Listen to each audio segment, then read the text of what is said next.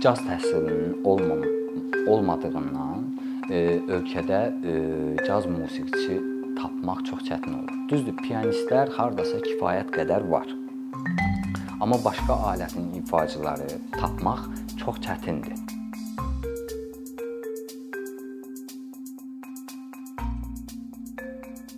Deməli danışaq Azərbaycanda cazın yaranma tarixindən. Cazın yaranma tarixi hardasa 40-cı, 50-ci illərə təsadüf eləyir. Bu dövrdə Tofiq Quliyev, Cahangir Cahangirov, Qara Qarayev, Fikrət Əmirov kimi bəstəkarlar bu musiqidən yararlandılar öz kompozisiyalarında, öz aranjmanlarında, öz əsərlərində və bu harmoniyalardan da istifadə etdilər, hansı ki cazda istifadə olunan harmoniyalardan. Sonra bunu, yəni caz musiqisini daha təkmilləşdirən Vaqif Mustafazadə oldu. Və ondan sonra da Rafiq Babayev. Bu bəstəkarlar artıq caz musiqisini bizim milli musiqilərimiz olan, yəni muğam əsasında yaranan milli musiqilərimizlə harmanladılar, yəni birləşdirdilər, sintez elədilər və bunu dünyaya təqdim etdilər.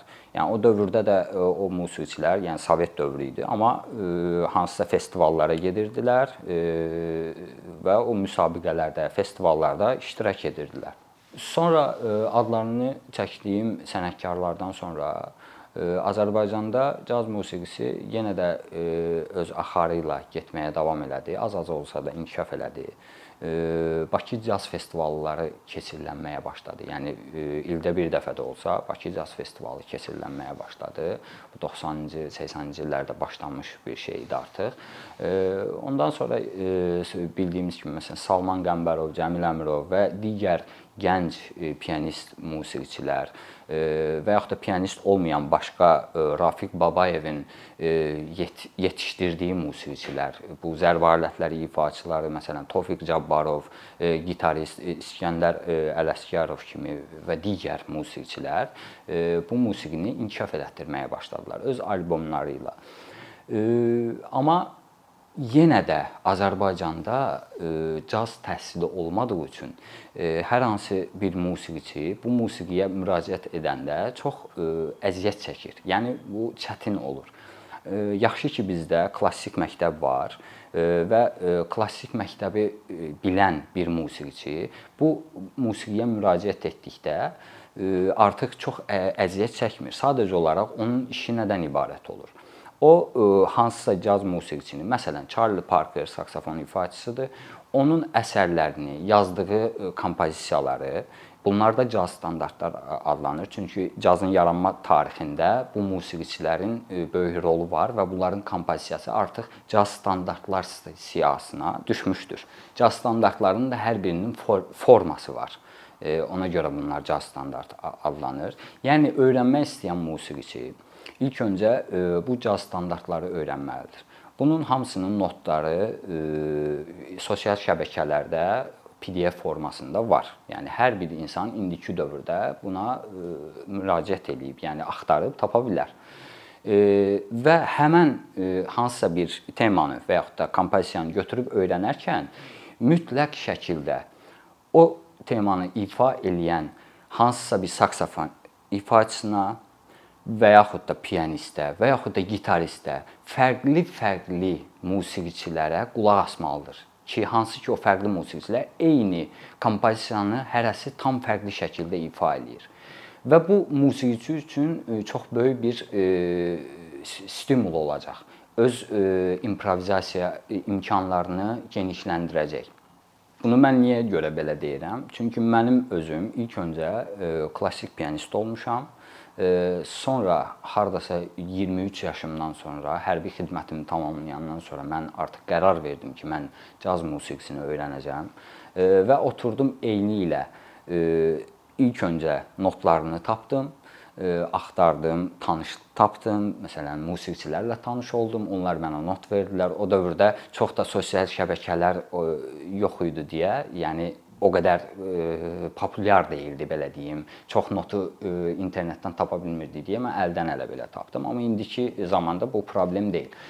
və oturdum eyni ilə bir kompozisiyanı ifa elədim, onu analiz elədim. Hansı lad üzərindədir, hansı e, e, harmoniyalar burada istifadə olunub və e, digər bunu ifa edən sənətkarlara, yəni musiqiçilərə qulaq asdım. Kim burada necə bunu ifa eləyib, kim necə hiss eləyib, kim necə improvizasiya eləyib və sonra bunları bildikdən sonra əgər ki sənin yenə də klassik təhsilin burada önəmlidir, klassik təhsilin varsa, sən qamma bilirsən, arpegio bilirsən, etüdlər çalmısan, artıq sənin e, texniki səviyyən, yəni əllərinin texniki vəziyyəti yaxşı səviyyədə olduğu üçün e, sən e, improvizasiya eləməyə başlayırsan. Yəni onu da qulaq asdığın musiqiçilərdən anlayırsan. Onlar hansı notlar üzərində bunu improvizasiya eləyirlər. Caz təhsilinin olmam olmadığından ölkədə caz musiqiçisi tapmaq çox çətin olur. Düzdür, pianistlər hardasa kifayət qədər var. Amma başqa alətin ifaçıları, məsələn, zərb alətləri və yaxud da ki, bas gitara ifaçıları və yaxud da ki, vokalistlər və yaxud da olsun nəfəs alətləri ifaçılar tapmaq çox çətindir. Var, amma çox azlıq təşkil edirlər. Bu da e, gətirir e, ölkədə caz təhsilinin e, olmaması. Bildiyim qədərilə konservatoriyada hardasa belə var idi caz təhsili, amma mən bildiyim qədər bəstəkarlıq bəstəkarlıq fakültəsinin içində olduğu içində idi. Bir də əsas məsələlərdən biri də odur ki, ölkədə ifa olunacaq məkanların az olması. Yəni caz ifa olunacaq məkanların az olması ölkəmizdə bir dənə jazz center var idi. Onu bağladılar. Sonra yenidən açıldı, sonra yenidən bağlandı.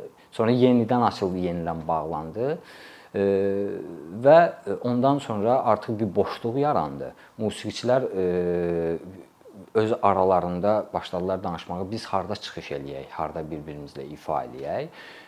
Və sonra şəhərin mərkəzində bir klub var. Orda biz bir-birimizlə belə tanış olduq başladıq orada jam sessionlar keçirməyə və sonra başqa bir klub da artıq öz qapılarını bizə açdı ki, mən istəyirəm burada caz ifa olunsun.